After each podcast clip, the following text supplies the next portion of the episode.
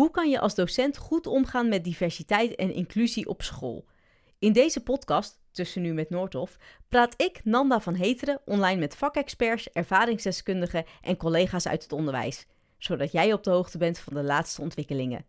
In deze aflevering hoor je het verhaal van Esther Mollema. Zij is expert op het gebied van diversiteit en inclusie. Esther, welkom. Nou, ik vind het heel fijn dat we elkaar spreken, want diversiteit en inclusie krijgen een steeds grotere rol in deze samenleving. Ook bij Noordhof trouwens. Eh, we hebben een werkgroep zodat we materiaal maken dat divers is en inclusief is. En we zorgen ook voor een inclusief HR-beleid. Ehm, waarom is het bespreken van deze onderwerpen pas iets van de laatste tijd, denk je? Nou, leuk om met jou te mogen spreken, Nanda. Is het iets van de laatste tijd? Um, het, is al wel, het is al wel iets wat we al veel langer doen. Hè? Wat we volgens in mijn ogen al wel wat langer doen. Maar um, het is wel iets wat we, wat we ook, wat, wat nu wel steeds meer in de, in, in, in, nou, werken in ons leven terugkomt. Hè? En het is eigenlijk wel gewoon dat de massa van de mensen die anders zijn steeds groter wordt. En dat we ook wel heel erg beïnvloed zijn, volgens mij ook door Black Lives Matter en andere dingen. Dat we, um, dat we niet moeten zwijgen als het niet klopt, maar dat we het moeten zeggen, want dan kunnen we het helpen veranderen. En dan kunnen we het voor iedereen in Nederland en op school veilig houden en fijn hebben. Daar ben ik het helemaal mee eens. Ja, wat je zegt, Black Lives Matter. Ik ben zelf ook hè, zwart. Uh, ik, ik heb wel echt gemerkt dat daar een verandering in zit. Van toen, toen ik kind was, of als je nu kind bent, of mijn kind zou zijn, zeg maar, en als op mij lijkt.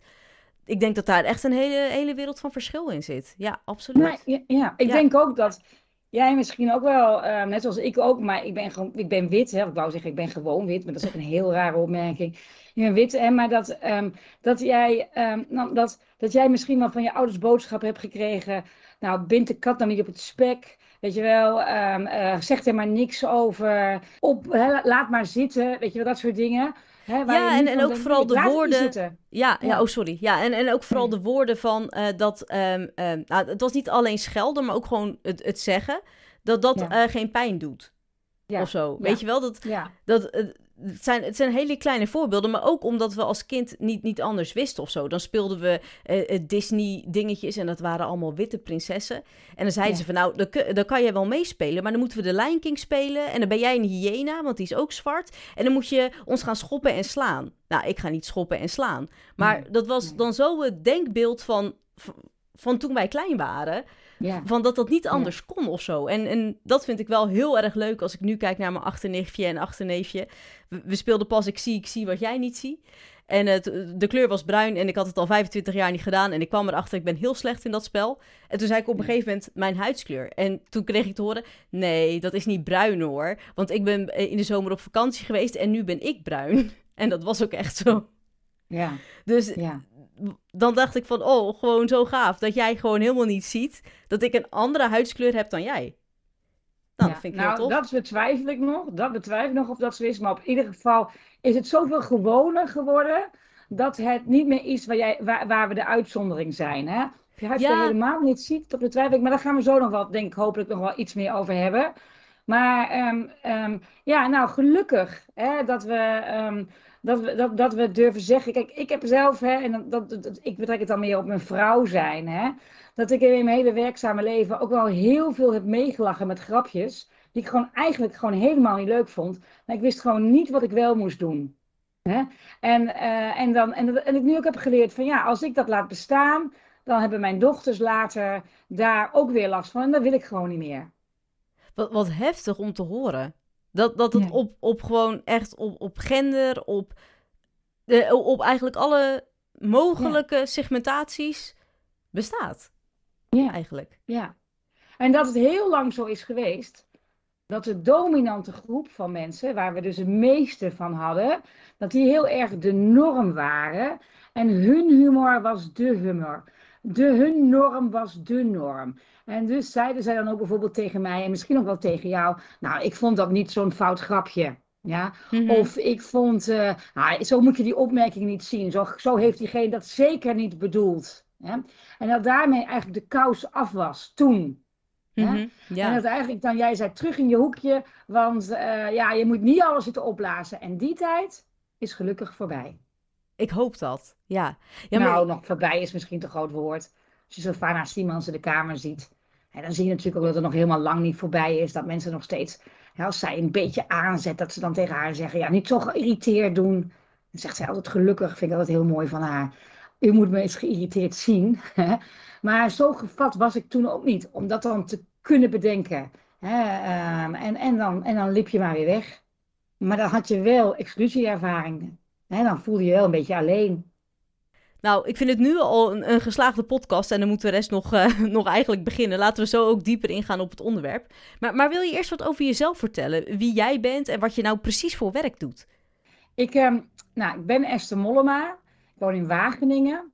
En uh, ik ben eigenlijk sinds ik uit het buitenland ben teruggekomen. Ik heb in Duitsland en Amerika en in Japan gewerkt.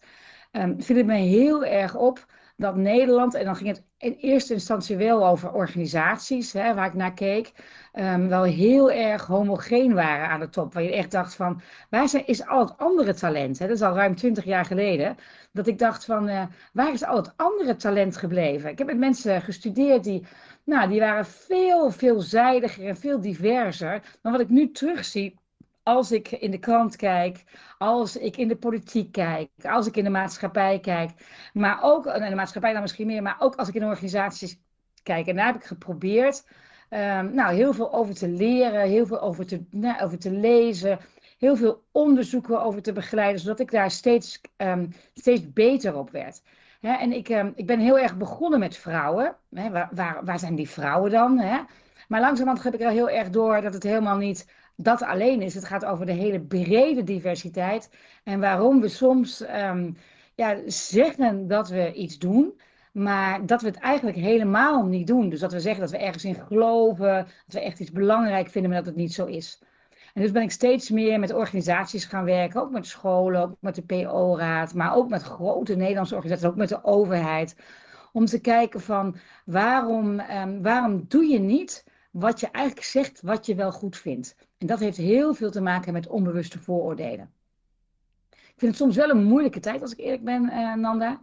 Omdat er ook wel heel veel mensen zijn die eigenlijk vinden dat we van 0 naar 100 moeten gaan op dit onderwerp.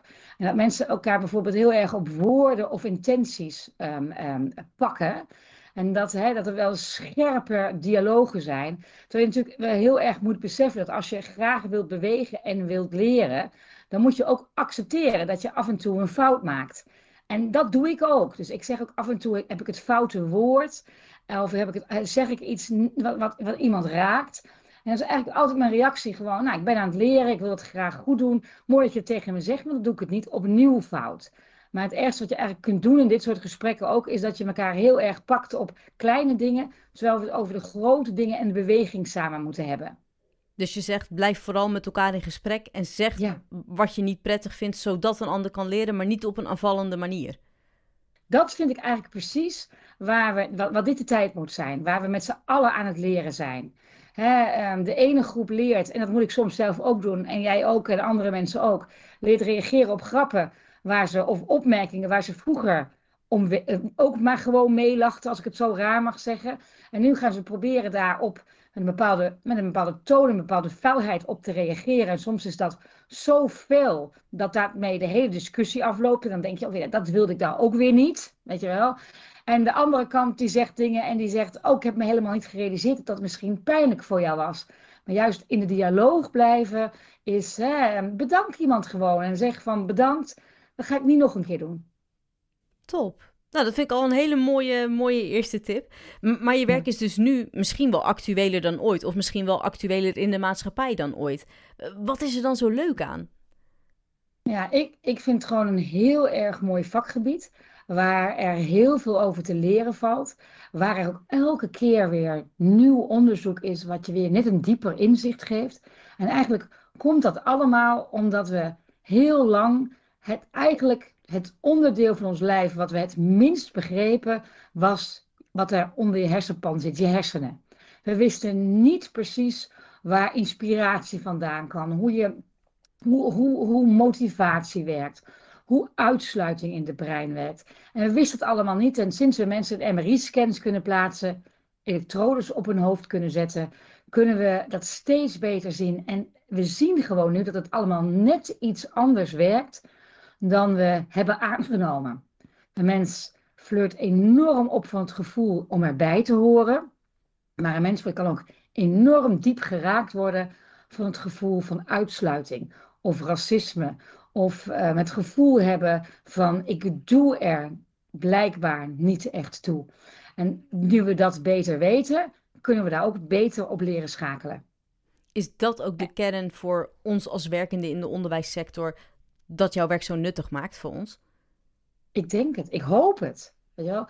Dat je op de, op de kleine dingen denkt, hoe doe ik dat eigenlijk? Ben ik een, hè, ben ik een um, inclusief docent voor alle mensen? Ben ik een inclusief collega voor alle mensen? Of doe ik dat alleen maar voor de mensen die een beetje op mij lijken, waar ik me prettig bij voel? En hoe doe ik dat? En het is natuurlijk altijd de wens van elke docent om dat voor alle mensen te zijn.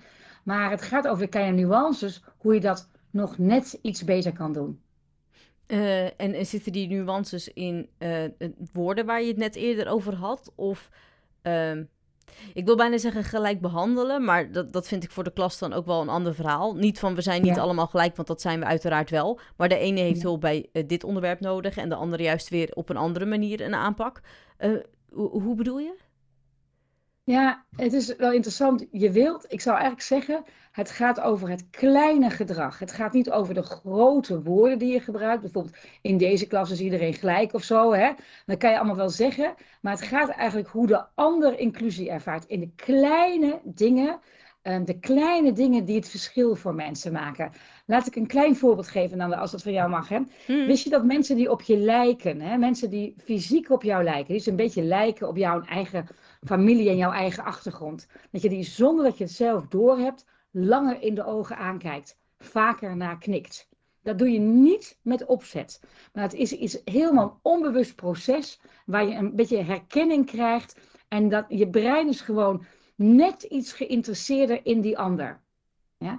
En, dat je, um, en, dat je, um, en dat je dus die mensen meer aankijkt. En dan krijgen die kinderen ook meer het gevoel van, of de, dus de, meer het gevoel van, nou, ik doe ertoe, ik ben er, wat ik zeg is interessant.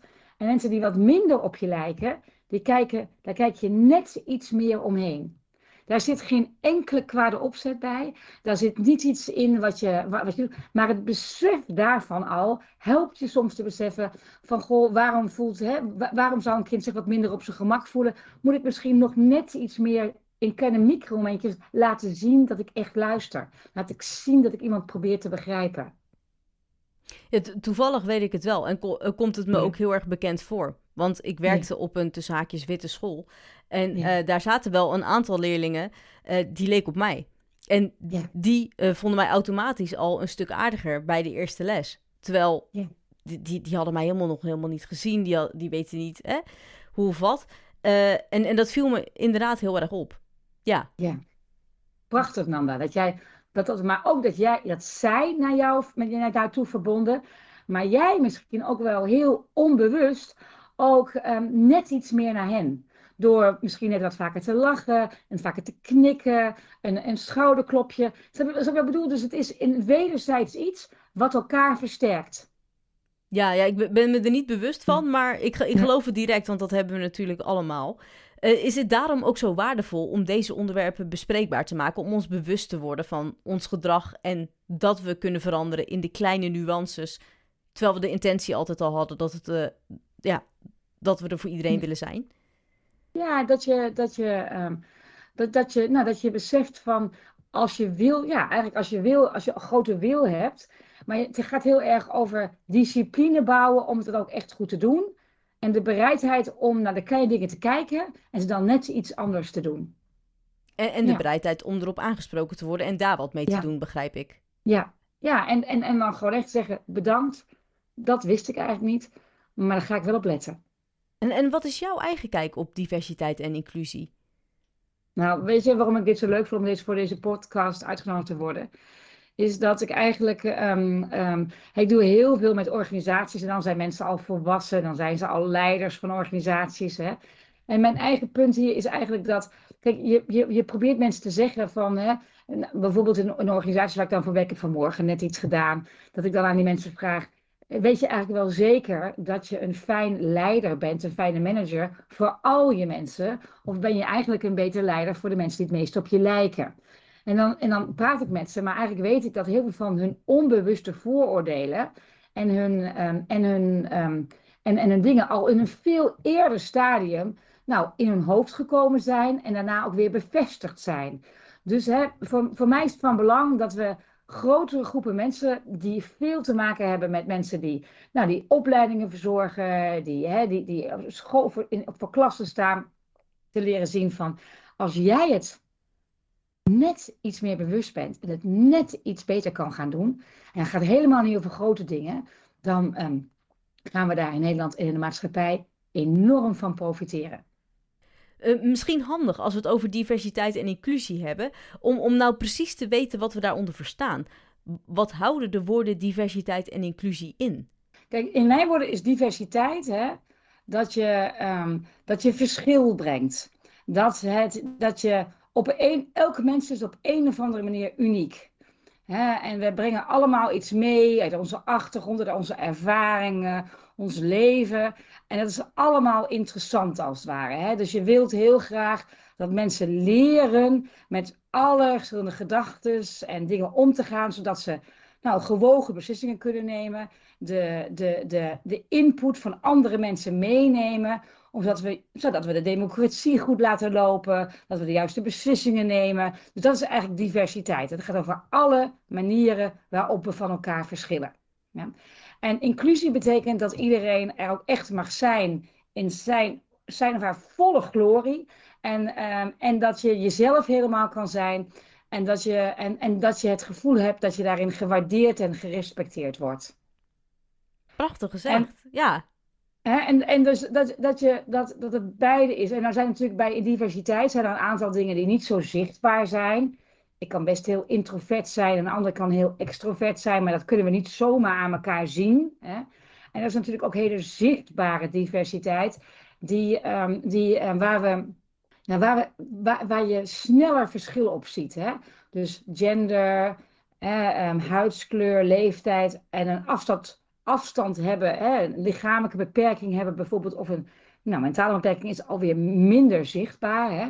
Maar die dingen, die, um, die zie je als eerste en dat wordt heel snel getriggerd in je brein.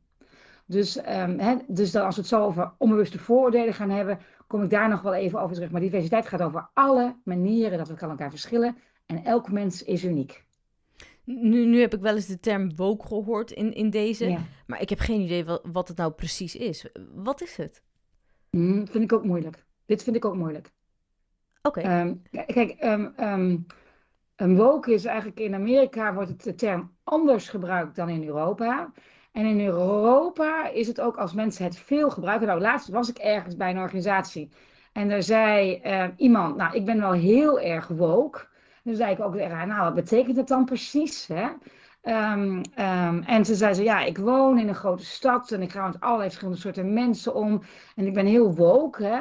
En ik ben heel voort, nou bedoelde ze eigenlijk mee, ik ben heel voortvarend, ik wil snelheid maken in dit soort onderwerpen. Hè, maar woke is soms ook in Nederland een, nou, een beetje een scheldwoord voor mensen, voor activisten. Die gaan voor die snelheid. Kan, kan je dat voorstellen? Dus het is eigenlijk wat, wat, wat we net zoals. Hè, wat het ergste is als iemand zegt. Dus ben jij een activist op dit onderwerp? Dat betekent in Nederland al vrij snel iets lelijks. Weet je wel? Dus het is maar hoe je het samen gebruikt. Maar, um, maar uh, hè, um, dus ik weet niet precies, als mensen het woord bezigen, zeg ik altijd, hoe, uh, hoe, hoe zie jij dat woord precies? Ja, dus het heeft per persoon een andere definitie mogelijk. Nou, in elk land ook, lijkt me bijna. Ja, dus ja. Nee, dat, is, dat is goed omschreven. Dat is fijn om te weten, ja. want dan, dan weet je ook wat een anders referentiekader is natuurlijk.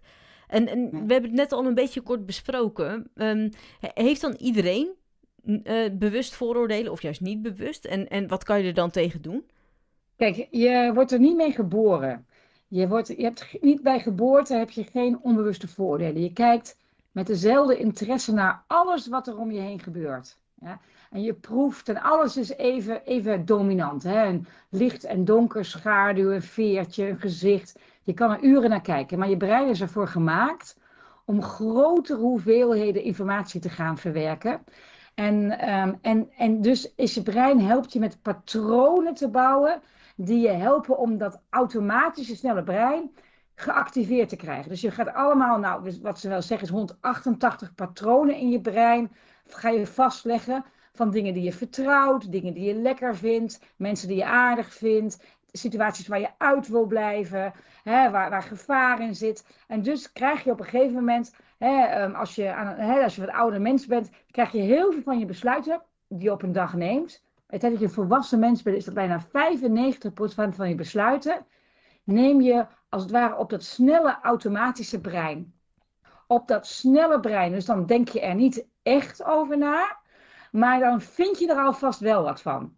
Um, en, ik zit, ik zit dan nu te denken, misschien heel dom hoor, maar is dat dan in de supermarkt dat ik dan altijd automatisch kies voor het donkerste brood, omdat uh, ik denk dat dat het volkorenst is, als dat een woord is, en, en gezonder? Ja. ik denk dat dat wel zo is. Dat je eigenlijk heel veel dingen Jij grijpt, hè, jouw oog ziet, jij, jij, je gaat naar het schapje, je het donkerste brood, grijp jij, want je hebt ooit besloten, het donkerste brood is het meest gezond. En het gaat ook over uh, welke kassa je kiest en, waar, hoe, wat je dingen doet en hoe je zit. Het zijn allemaal gewoon onbewuste besluiten die je neemt. En zo kom je het leven een beetje door. Hè? Heel hoogsensitieve mensen, die, hebben, die nemen net iets meer besluiten heel bewust, of die, hè, die, die, die, voelen daar, die voelen daar de prikkel om dat bewust te doen. En die raken heel snel overprikkeld. Dus het onbewuste voordeel is een manier om te overleven, maar het verhindert ons ook soms om de dingen te zien hoe ze echt zijn en om mensen te kunnen waarderen voor wie ze echt zijn. Want we hebben soms al een oordeel over ze voordat we ze echt hebben leren kennen. Maar, maar ik hoor je juist erin zeggen, met, met dat ene voorbeeld over dat brood. Oké, ik weet natuurlijk helemaal niet of dat het bruinste het beste is of, of iets dergelijks. Maar um, het, het, hoeft niet negatief te zijn. Want als jij een goede ervaring hebt met een bepaald merk shampoo bijvoorbeeld... Uh, dan kan je ook zeggen, nou, dat is voor mij de beste. Ja, ja. Uh, toch? En dan sta je niet meer helemaal open voor dat er misschien andere shampoos zijn. Of dat je helemaal niet meer met shampoo moet wassen. Ik zeg niet meer allemaal dingen. Hè? Ja, ja. Uh, dus je, dat je niet meer open staat voor nieuwe informatie. Die jou zouden helpen om een betere keuze te maken. Ja, dat, dat, klopt natuurlijk. Ja, dan word je een beetje merkvast. Maar eh, ja. daar zie ik nog niet per se uh, iets negatiefs in. Of, of zie ik nou, het Nee, maar heel veel onbewuste voordelen zijn ook niet altijd negatief. Maar het, het maakt wel dat je heel snel kunt kiezen. En het helpt je gewoon om dingen te doen. Het is niet altijd nadelig of zo. Hè? Sommige mensen hebben er ook heel veel voordeel van. Als je eruit ziet als de mensen die een beetje de norm vormen van een gemeenschap of van een school of zo, dan heb je er vaak bewust voordeel van, van al die snelle besluiten. Dat lijkt me wel een aardig kind, of dat lijkt me wel een aardige leerling. Of, uh, nou, die, als, hè, laat zij iemand, als die wat heeft, dan is er echt wel wat aan de hand. Hè? En andere mensen worden met precies hetzelfde feit anders bekeken. Dus het is niet altijd negatief, zeker niet. Sorry, ik ben er, ben er heel inderdaad even over aan het nadenken. Want dit, eh, dit is inderdaad uh, uh, veel informatie. Ook veel nuttige informatie. Ja. Maar het is, ja. ja. bizar. Ja, nee, maar is ja. ook zo dat dus eigenlijk heeft de, heeft de, de mensen die het meest op de normerende groep leiden, die vroeger nog dominanter was, hè, mm -hmm. die hebben er vaak voordeel van. Ja. Um, die, um, uh, dat kan diegene nooit zo bedoeld hebben. Um, dat, is, uh, nou, dat, dat zien we als positief. Hè? Nee, dat is toch niet zo erg. Hè? Laatst ging het over nou, goed kunnen luisteren. En toen was er bij iemand, uh, nou, die was bij een organisatie was ik aan het werk. En toen zei iemand, ja, die persoon kan gewoon helemaal niet goed luisteren. Toen zei iemand anders, ja, maar dat is toch niet zo belangrijk. Hè? Nobelprijswinnaars, die zijn ook eigenlijk gereid. Weet je wel? En dan werd er eigenlijk iets positiefs geplakt op iets, van, op iemand die heel erg leek op, op, op de rest, om het weer positief te doen lijken. Een beetje beschermend. Terwijl bij die ander, ja, als je niet, als je niet kan luisteren, weet hoe kan je dan ooit dit of dat? Dus dan zie je dat we heel verschillend reageren op, op, op die onbewuste vooroordelen. Die, die, die helpen ons. Hè? De meeste van je onbewuste vooroordelen, dat moet ik je nog vertellen, worden getriggerd door je ogen. Dus je oog ziet iets en dan ga je gelijk in de actie. En als je, en het, is apart om te zien, dus er zijn allemaal verschillende manieren waarop verschillend kunnen zijn. Maar huidskleur, gender, leeftijd en, en, een, en een fysieke beperking hebben, is, zijn dingen die je oog gelijk ziet. En dus worden daarop, als je genoeg op de normgroep lijkt, heb je vaak een positief etiketje erop zitten. Maar als je dat niet doet, is het vaak een negatief etiketje. En dus zit er heel veel talent, ook op scholen, die we misschien niet goed inschatten, omdat ze niet genoeg lijken op bijvoorbeeld de andere leerlingen die we heel slim vinden. Of lijken op de andere leerlingen die we heel, um, nou, die we heel onderzoekend vinden.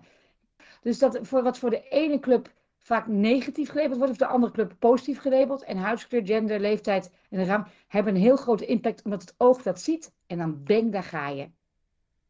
Ja, nee, dat is heel duidelijk uitgelegd. Ik vraag me dan ook af. Hè. Je zei net uh, dat bijvoorbeeld toen jij bij die ene organisatie was over dat luisteren. Wat heb jij toen gedaan om ervoor te zorgen dat die persoon of die mensen bewust werden uh, van dat ze blijkbaar uh, ja, de mensen anders behandelen? Nou, dan vraag ik gelijk een time-out aan. Ik, ik was er ook wel ingehuurd om dat te zeggen. Hè? Dus ik ben ook heel, daar was ik ook heel erg aan het luisteren naar wat zeggen mensen over andere mensen. En dan zeg ik, god time-out, we hebben hier hetzelfde feit. En toch wordt de interpretatie daarop heel anders beschreven. En we zijn het ook nog met elkaar eens.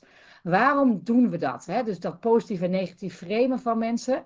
Wat gebeurt daar nou? Hè? Wat, mogen we die conclusie wel trekken? En dan zie ik heel vaak het als dat met, gewoon met zachtheid en goedheid gebeurt, dat mensen dan zeggen, ja, dat is inderdaad interessant. Dat is inderdaad, uh, ja, dat, dat, dat is inderdaad, hè, wanneer doen we dat nog meer? Ja, dus dan zie je, heel, nou, zie je best wel onderzoekende breinen, omdat je, dat ze denken van, ja, dat is ook apart. Dus, dus die mensen stonden wel degelijk open voor feedback en werden zich toen bewust van hun eigen handelen, begrijp ik ja, hebben ze natuurlijk wel eerst hebben ze heel goed begrepen dat we allemaal onbewuste vooroordelen hebben. Hmm. En dat je daar ook niet zo heel veel aan kan doen. Maar dat het wel heel erg bepaalt hoe we andere mensen inschatten, hoe we andere mensen benaderen en welke kansen we iedereen geven. Nu hadden we het er net al over, hè? De, de laatste tijd of misschien wel de laatste jaren lijkt er veel meer aandacht te zijn voor diversiteit en inclusie. Uh, zorgt dit dan daadwerkelijk ook voor meer acceptatie van alle mensen? Nou, kijk, eigenlijk kan je van je onbewuste vooroordelen. Ik ken geen methode om daar zomaar van af te komen. Dat, die ken ik niet, hè? Dus um, al die dingen, dus dat je er meer over weet, maakt je niet minder bevooroordeeld. Dus dat durf ik over mezelf bijvoorbeeld ook niet te zeggen. Dan vind ik het altijd best wel spannend om dit soort dingen te gaan benoemen. Hè? Want ik ben zelf niet iemand die zomaar minder bevooroordeeld is. Maar wat je wel kan doen, is eigenlijk twee dingen. En dat is heel belangrijk. Hè? Dat je een omgeving creëert waar mensen het makkelijk tegen elkaar kunnen zeggen. En dat je het makkelijk tegen elkaar zegt, goh, wat, wat gebeurt er nu? Want wat, wat net het ene keer het feit was, wordt nu heel anders geïnterpreteerd. En dat als het heel inclusief is, dus fijn is, dan zeggen mensen, bedankt dat je me daarop attent hebt gemaakt. Want nu kan ik het beter doen. Dus inclusie helpt enorm als we het accepteren dat andere mensen ons nou, mogen corrigeren. Dat we daar heel erg open voor staan en dat we zelf mensen bedanken.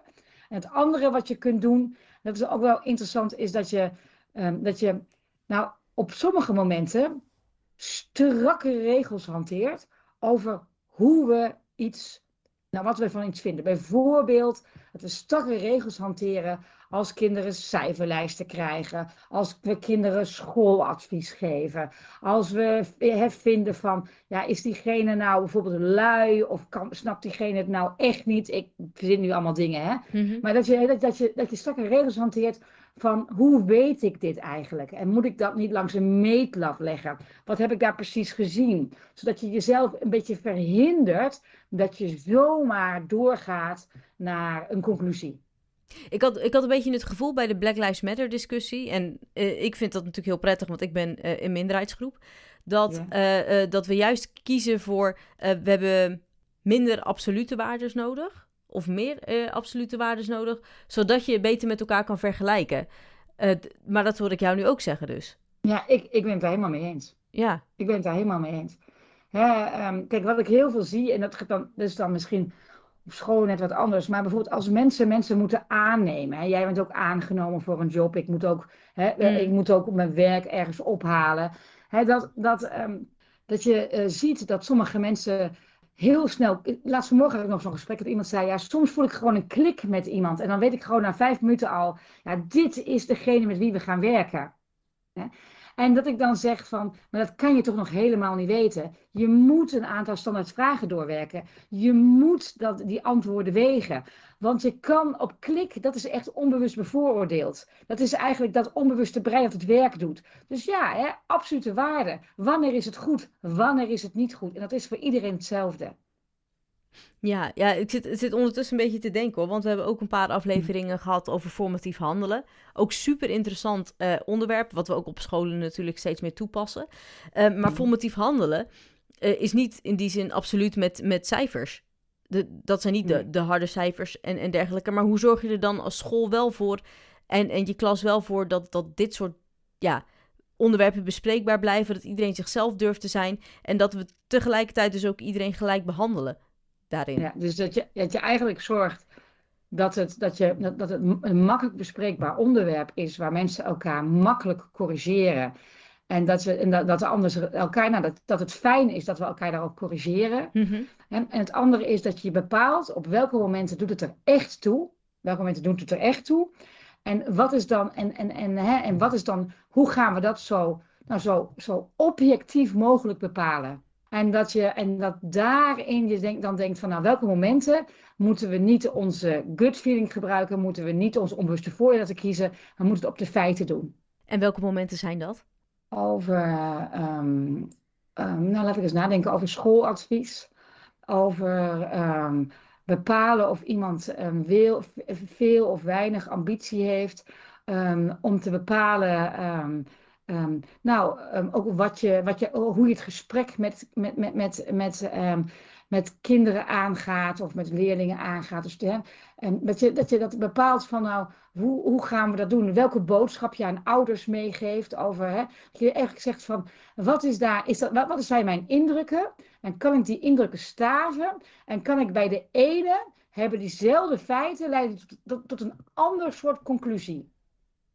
Dus ik hoor je eigenlijk zeggen, in de omgang met een ander, uh, dan moet je je bewust zijn van, uh, van die vooroordelen. En dan moet je juist ervoor zorgen dat iedereen zich veilig voelt en het bespreekbaar maakt. En uh, dat het ook gewoon kan. Maar op het moment dat het gaat om presteren, dan wordt er gewoon absolute waarde gedaan met bijvoorbeeld cijfers en wordt er op die manier gemeten. En niet op. Als ik, het nog iets, ja, als ik het nog iets anders mag zeggen, is. Ja, ja, ja. Waar, jou, waar het, de macht die jij hebt als, als docent, als leerkracht, hè, eigenlijk vrij bepalend wordt voor de toekomst van diegene, dan moet je, dan moet je het doen op de feiten. Dat is, dat is een hele mooie maatstaf, denk ik. Een hele mooie, ja. Denk dat... Dus dat moet, je, dat moet je echt durven onderzoeken. Kijk, ik ga je, ik ga je een voorbeeld geven uit de VS, hè, um, waar, en dat is dus uit de Verenigde Staten, hè, waar, iets, waar heel veel klassen bekeken zijn.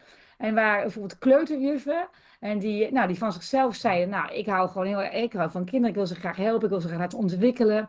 En, ehm, en dit ging over donkere kindjes, kindjes met een donkere huidskleur en kindjes met een lichte huidskleur. Hè?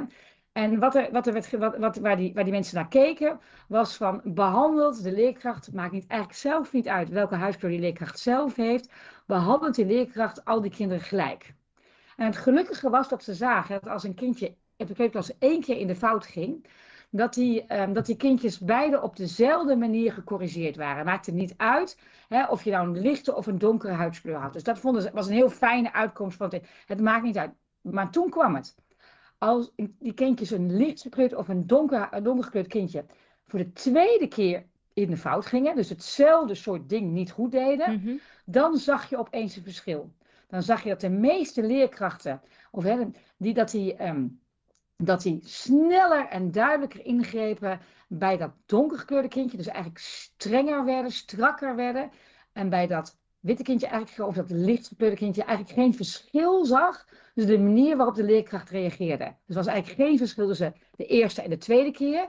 Maar er zat bij het donkergekleurde kindje echt een verschil tussen, um, tussen de eerste en de tweede keer. Dus dan ziet mensen, de, de, onbewuste vooroordeel is dan dat je sneller een trend denkt waar te nemen. Dat je sneller denkt, oh, dit, dit gaat niet goed. Hè? En dat je dus harder optreedt. Ik zeg niet dat iedereen dat doet in Nederland, maar ik, durf, ik denk wel dat, we, dat als je dat niet bewust bent, dat het onderzoek ook wel eens voor Nederland hartstikke waar kan zijn. Ja, ik ben geschokt.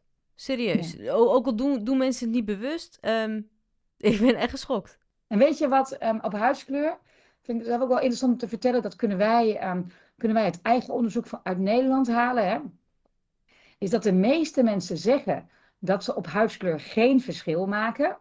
Ja? Dat ze zeggen, nee, joh, het maakt mij allemaal niks uit. Hè? Maar dat het wantrouwen, hè, dat maakt eigenlijk ook niet uit welke huidskleur je zelf hebt, richting iets donker gekleurde mensen iets steviger is. Dus je hebt net iets meer wantrouwen. Mm Dus vaak door onbekendheid. Hè? Maar dat het interessante is dat die, dat die, die, die, die significantie daarvan neemt af. Ja? Dus hoe, hoe je dat vindt en hoe, hoe sterk je bias is, neemt af.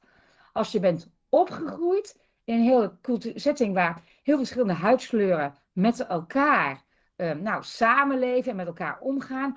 Of dat je nu een vriendenkring hebt die ook heel divers is qua huidskleur. Dus het interessante is dat vriendschap op huidskleur je vooral helpt om minder onbewust bevooroordeeld te zijn over mensen met een andere huidskleur. Of over zelfs over mensen met, met, met jezelfde huidskleur. Dus ik, ik, daarom vind ik het ook zo leuk om weer te doen. Want je heel goed kan zien dat als het je lukt om kinderen respectvol en goed met elkaar om te laten staan, van welke huidskleur dan ook, dan gaan die kinderen daar een hele leven profijt van hebben. En, gaan, en, en, en, en, gaan, en, en dat gaat ook een grote impact hebben hoe we met elkaar omgaan, in mijn beleving. Dus ik vond dat, dat is ook de aanleiding dat ik dacht, van ik doe hier aan mee. Want hè, dat is niet iets wat ik heel goed kan corrigeren in organisaties waar volwassen mensen werken. Maar daar kunnen mensen die aan deze podcast luisteren wel over nadenken. Hoe doe ik dat slim? Ja, en het maakt mij ook onbewust heel erg trots op, op de school waar ik nu werk. Want uh, wij bestaan dan nu 100 jaar. En we waren uh, in die zin um, ja, vrij eigen gereid. Toen uh, vroeger, en nogmaals praat ik over 100 jaar geleden, jongens en meisjes echt gescheiden werden in de klas. Dus de jongens zaten in een aparte klas en de meisjes. En dat, dat mijn school dan een van de eerste was die zei: nee, we gooien gewoon iedereen bij elkaar. En uh, we kijken gewoon naar de klassengrootte, ongeacht wie er nou in welke klas zit. En op die manier, dit, dit gaat dan over geslacht, maar op die manier al uh, verschil aanbrengen. Nou, dat vind ik toch wel heel, uh, heel tof dat dat blijkt. Want als het op huidskleur geldt, geldt het mogelijk ook op geslacht. Dat, dat, Ja, dat is een mooi voorbeeld dit. En wat je vaak ziet, hè, is dat de mensen die het meeste, nou, eigenlijk het meeste voordeel hebben van dat allemaal gescheiden houden of dat niet doen, zijn vaak de mensen met de macht. Kan je dat voorstellen?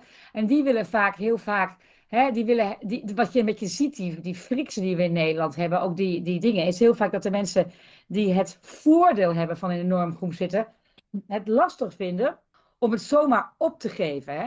Het zomaar op te geven. Dus vaak bepaalt de mensen die de normgroep zijn, bepaalt de snelheid van de verandering.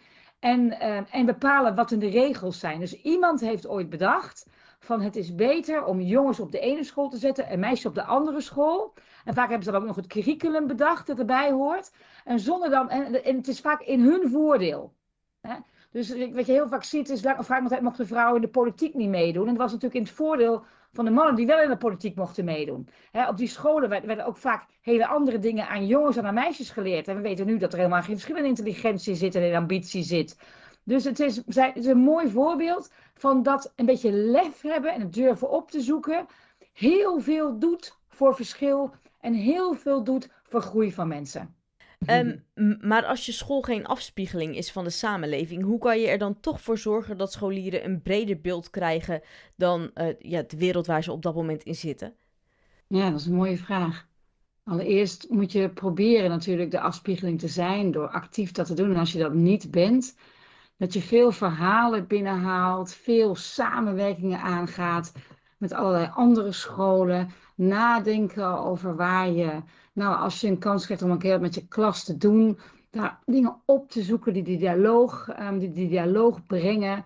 um, heel veel nou, gastsprekers in je klas te halen, zodat, je, zodat, we, zodat we het andere ook echt gaan zien. Oké. Ja, want ik kan me Wat zou jij doen? Wat zou jij doen, bijvoorbeeld? Wat, zou jij, wat denk jij waar je aan zou kunnen denken?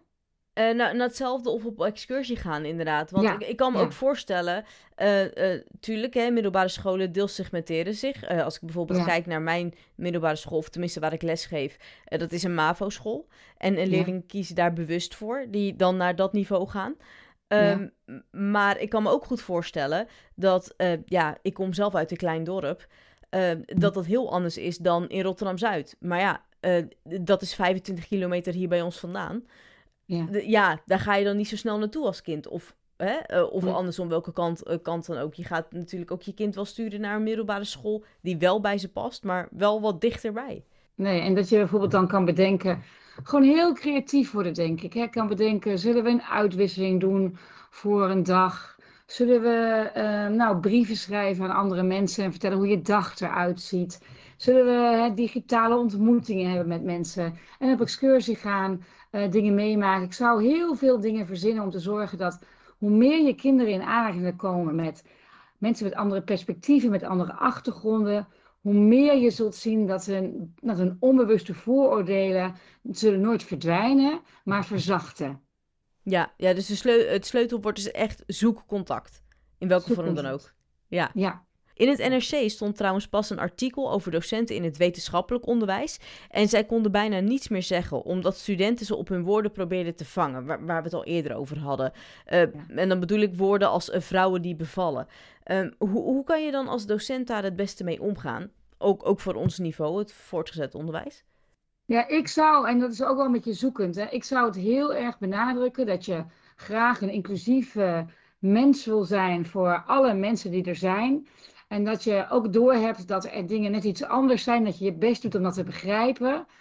Um, en dat je daar heel graag nou, um, mensen um, over hoort en wat ze bijvoorbeeld storend vinden aan je woordgebruik. Of wat ze, nou, welke voorbeelden ze vinden dat niet meer kunnen of welke grappen vinden ze dat niet meer kunnen. Maar dat je uh, vooral zegt, maar hè, we, zijn daar, ik ben daar lerend in, maar jij bent daar waarschijnlijk zelf ook lerend in. En zullen we het er gewoon over hebben zonder elkaar in het beklaagde bankje te zetten. Want als jij mij daarop aanspreekt, dan kan ik wat leren en dan kan ik het de volgende keer nog net weer iets beter doen. En, en, en dat harde, hè, dat harde, daar, dat als, we zo, als we zo polariseren bijna, dat harde van hè, je mag niet meer zeggen vrouwen die bevallen, hè, je moet zeggen mensen die bevallen, dat harde, dat, nou, dat is helemaal niet zo dat mensen dat helemaal niet willen leren of niet over na willen denken. Maar het is ook gewoonte die erin gesleten is. En daar moeten we elkaar en op aanspreken, maar wel op een aardige manier. Dus als je het gevoel hebt, ik kan toch niks meer zeggen. En dat je daar, nou, dat je daar zelf als docent uitsluiting door ervaart. Dat je heel erg op je tenen gaat lopen. Dan ervaar jij exclusie. Dan ga je misschien je werk er wel minder leuk van vinden. En daarmee lossen we al die problemen die we in het onderwijs hebben echt niet meer op. Dus gewoon samen leren. Hè, um, samen onderzoeken. En uh, deze podcast begon met de vraag: hoe ga je als docent goed om met diversiteit en inclusie op school? Mm. Je hebt het misschien nu deels al beantwoord hoor, maar, maar mijn vraag: mm. hoe, hoe doe je dat? Kijk, ik, ik, um, ik, ik dacht heel erg van goed om met, met dit soort dingen is, je moet echt zien hè, dat inclusie je vleugels geeft. Hè? Als je je gezien en gerespecteerd voelt, als je mening gehoord wordt, als je er bent, dan krijg je daar echt vleugels van. En we kunnen zien dat mensen daar echt, en ook kinderen daar veel beter van gaan presteren. Ik wil graag gezien worden. Hè? En we weten ook nog weer steeds beter dat exclusie, uitsluiting en niet bijhoren, dat dat heel veel stress oplevert. En heel veel, nou eigenlijk dat je daar ook, hè, dat je daar minder intelligent van wordt. Dat je daar uh, meer, nou, je lichamelijk minder goed van voelt. Hè, en dat we, uh, en dat we, nou, dat, dat, dat vooral inclusie, nou, maakt je ook inclusiever naar andere, andere mensen. Aardigheid vermenigvuldigt zich een aantal keer. Maar vooral als je veel stress en exclusie ervaart, dan gaat iedereen dat op een andere manier als het ware verwerken of afreageren. Sommige mensen worden heel stil. Andere mensen gaan heel veel roddelen over andere mensen. Andere mensen worden heel luidruchtig en worden de pester of worden de gepeste. En kan je je voorstellen dat iedereen het op andere manieren afreageert. En daar het met elkaar gewoon eens over hebben. Wat gebeurt er bij stress bij jou? Waar ervaar je stress op? Maak het eens nog wat specifieker. we zijn allemaal sociale wezens. Waar, hoe, hoe, reageer jij af, hoe reageer je af als je uitsluiting ervaart? Het daarover hebben, zodat we het voor elkaar kunnen gaan herkennen en het voor elkaar ook snel kunnen, um, nou, kunnen gaan corrigeren. Van hé, hey, um, hier hebben we het laatst over gehad. Waar zit de stress op? Want ik zie duidelijk dat je doet waar je van zei wat er gebeurde als jij stress ervaart. Of als je uitsluiting ervaart. Dit klinkt echt prachtig. Dit dialoog blijven aangaan. Want dat is wat ik je iedere keer wel hoor zeggen. Maar, maar je had het net ook over die hardheid. Hè? Dat, dat een gesprek niet hard moet worden. Maar vooral uh, open moet blijven. Hoe, hoe zorg je daar dan voor in zo'n gesprek? Want dat zijn gevoelige onderwerpen. Ja, door denk ik. En ik weet natuurlijk niet alles over het onderwijs. Hè? Maar als ik dat zelf naar kijk, als ik dat doe bij volwassen mensen en bij andere mensen, hè, bij dan probeer ik heel erg ervoor te zorgen dat ik mijn eigen kwetsbaarheid laat zien. Mijn eigen reis laat zien. Mijn, mijn, mijn wil om het goed te doen. Maar ook mijn kwetsbaarheid dat ik het niet altijd weet, misschien niet altijd goed doe, maar dat ik wel heel graag wil leren van anderen. En dat doe je bijvoorbeeld ook door bijvoorbeeld zelf een keer een verhaal te vertellen over hoe jij uitzending hebt ervaren. Um, hè, te laten zien dat je, niet, dat je er niet boven staat, maar ernaast staat op dit onderwerp. Dus eigenlijk een beetje de Rose van Leary rechtsboven, als in samen en ja, op, op die manier dus. Uh, dat haal ik nu niet zo snel voor mijn uh, nou, maar jij weet het. De roos van Leri rechtsboven. Ik, ik, ik, ik, denk de luisteraar ook, want we hebben het allemaal oh, wel gehad op de lerarenopleiding. Uh, ja. Volgens mij zelfs al in, in een van de introductielessen. maar, oh, Oké, nou dan weten zij het zeker. Ja. Ik denk, ik, ja, ja. Ja, precies. maar heb je dan nog, ook al heb je ze misschien al wel hier en daar genoemd hoor, maar echt drie concrete tips die docenten direct in hun handelen kunnen gebruiken in de lessen om deze zaken die we net hebben besproken eigen te maken en vooral uit te dragen? Wat ik heel erg zie, hè, is dat het je het allermeest helpt als je je eigen handelen onder de loep neemt en je bedenkt hoe kan ik nog inclusiever gaan handelen. En wat je daar dan moet proberen te doen, volgens mij, is proberen om je gewoontes wat inclusiever te maken. En die gewoontes, dat zijn vaak dingen die je automatisch doet en die je onder de loep neemt en je bedenkt van, kan ik dat inclusiever maken? En dat moet je nou, best een lange tijd volhouden. Dan moet je discipline optonen om dat een automatisme te gaan maken. Vaak moet je bij simpele nieuwe gewoontes het 66 dagen zien vol te houden. Hm? En, ehm, en nou, dan krijg je hele simpele tips als, uh, wat, wat, zou je kunnen doen? Nou, dat je bijvoorbeeld als je iemand voor de allereerste keer ontmoet, die je nog niet eerder hebt ontmoet, dat je niet gelijk het verschil benadrukt, maar eerst de overeenkomsten. Dus eerst samen kijken, wat hebben wij gemeen? Wat heb jij met andere mensen gemeen? Wat zijn je hobby's? Wat zijn de dingen waar je graag naar kijkt of die je graag doet? Maar als je sportief bent, wat doe je dan? En dan maken we daar connectie mee met andere mensen. En als we dat veelvuldig doen, dan groeit vertrouwen.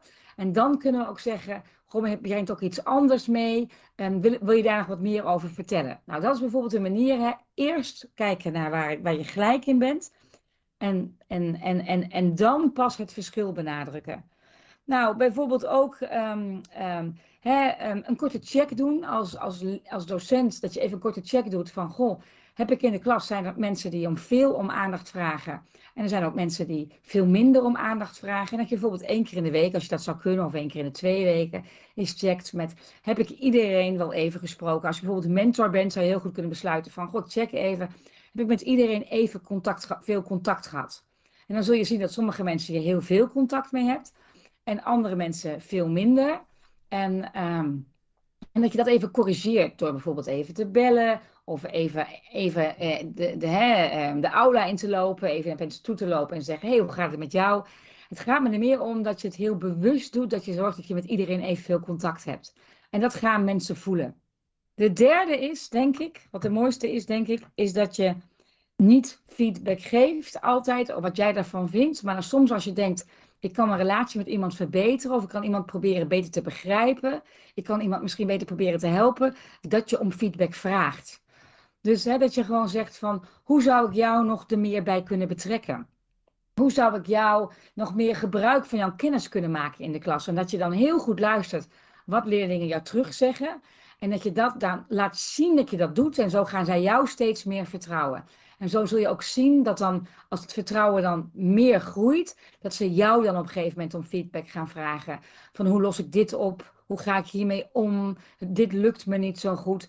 Dus bouw aan vertrouwen door feedback te vragen. En dan doe je het beste dat één op één te doen ik snap heel goed hoe dat sommige mensen misschien nu zitten te zuchten en te puffen en denken van, ja, dit is wel een heel romantisch beeld van wat ik zou kunnen, maar doe dat dan met de mensen met wie je eigenlijk niet genoeg contact hebt. Begin daar eens mee.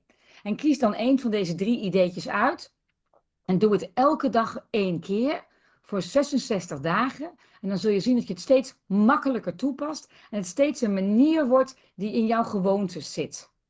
Als je het één dag niet doet, is het niet zo erg. Als je twee dagen niet doet, moet je overnieuw beginnen. Maar uh, ik heb liever mensen die overnieuw beginnen dan mensen die er niet eens aan beginnen. En, uh, en, en dat helpt volgens mij heel erg. En bedenk dan zelf ook dingen die je kan doen, maar je denkt van, dat zou net iets inclusiever van mijzelf zijn nu is uh, een nieuwe leerling ontmoeten, nou alleen halverwege het schooljaar. Of hè, het, is in ieder geval begonnen wanneer uh, die persoon bijvoorbeeld uit de andere klas komt of van een andere school komt. Of jij moet invallen voor, voor een collega bijvoorbeeld. Um, dus, dus die situatie heb je denk ik niet zo heel vaak. Feedback vragen kan natuurlijk altijd. Uh, en, en nou ja, de ander in de aula aanspreken of net wat meer aandacht geven, dat kan natuurlijk wel. Daar gaan leerlingen misschien wel concreet iets van merken. Maar um, wat verwacht je dan van de houding dat, dat dat verandert? Is het dan niet heel erg gemaakt? Of uh, worden zij juist uh, zichtbaarder doordat je juist voor hen uh, of voor hun idee je meer openstelt? Terwijl je dat misschien al daarvoor deed, maar nu concreet handvatten hebt en toepast? Ja, ik zou zeggen dat het, dat het misschien, misschien een beetje gemaakt lijkt. Dat je ook nog een beetje zoekt naar de manier om dat te doen. Hè? Maar dat je moet voorstellen dat ik geloof dat het altijd zo is dat het feit dat je het doet, weegt altijd zwaarder dan je nog aan het zoeken bent naar de manier waarop. Hè? En dus um, gewoon proberen, gewoon te doen. En het klinkt misschien wel gek, maar je zou ook nog kunnen beginnen denken aan het begin van het schooljaar als je een nieuwe groep voor je krijgt of een nieuwe ding, dat je bedenkt van hoe kan ik langzaam beginnen, um, uh, zodat we echt elkaar goed leren kennen, elkaar leren vertrouwen, om daarna snelheid te kunnen maken. We zeggen vaak contact voor contract. Dus je verwacht bepaalde dingen van, van, van, hè, van je leerlingen. Maar als je bedenkt, ik ga eerst eens werken aan, de, aan het contact met mensen en het vertrouwen wat we in elkaar hebben, dan zul je zien dat je later heel veel meer snelheid kan maken. Dit doe ik ook met, um, dit doe ik ook met mensen die bijvoorbeeld al twintig jaar samenwerken. En die, waarvan je denkt van nou, dat gaat helemaal niet lekker. Dan gaan we niet praten over wat kan er in het werk beter. Maar dan gaan we praten in over wie ben jij? Hoe zit je in je vel? Waar maak je je druk om? Om elkaar zo daarop te leren kennen, op te leren waarderen. En dan los je vaak daarmee ook de werkproblemen op. Dus mensen kunnen serieus twintig jaar samenwerken uh, en het niet altijd, ja, dat, dat samenwerking niet even vlotjes verloopt? Ja. En dat zo lang volhouden? Heel vaak. Ik was laatst bij een organisatie waar mensen al zo lang met elkaar werken. En waar een soort cultuur was ontstaan om zichzelf in te dekken. Dat zelfs als je tegenover iemand zat, je, tegenover iemand zat in dezelfde ruimte, dat je elkaar nog steeds e-mails stuurde om uh, jezelf in te dekken. Van ik heb daar wel op gereageerd. En dat het eigenlijk, hè, dat het eigenlijk, dat je bijna allemaal objecten aan het worden was. En niet meer echte mensen met gevoel en met dingen. En dat we, toen zijn we een hele dag met die mensen gaan wandelen. Zijn we allemaal, hebben we allemaal dingen gedaan. En toen hebben we op een gegeven moment ook verhalen aan elkaar verteld. Wie ben jij eigenlijk? Hoe ben je zo geworden? En toen zeiden mensen die al twintig jaar met elkaar samenwerkten. Maar dat wist ik helemaal niet van jou. Ik kijk je nu met hele andere ogen aan. Echt waar. Prachtig, ja. En prachtig ook om, om uh, deze podcast mee af te sluiten. Dankjewel Esther voor het goede en leuke gesprek. Dank jij wel voor je mooie vragen en uh, je hulp hierbij. Dankjewel, altijd graag gedaan.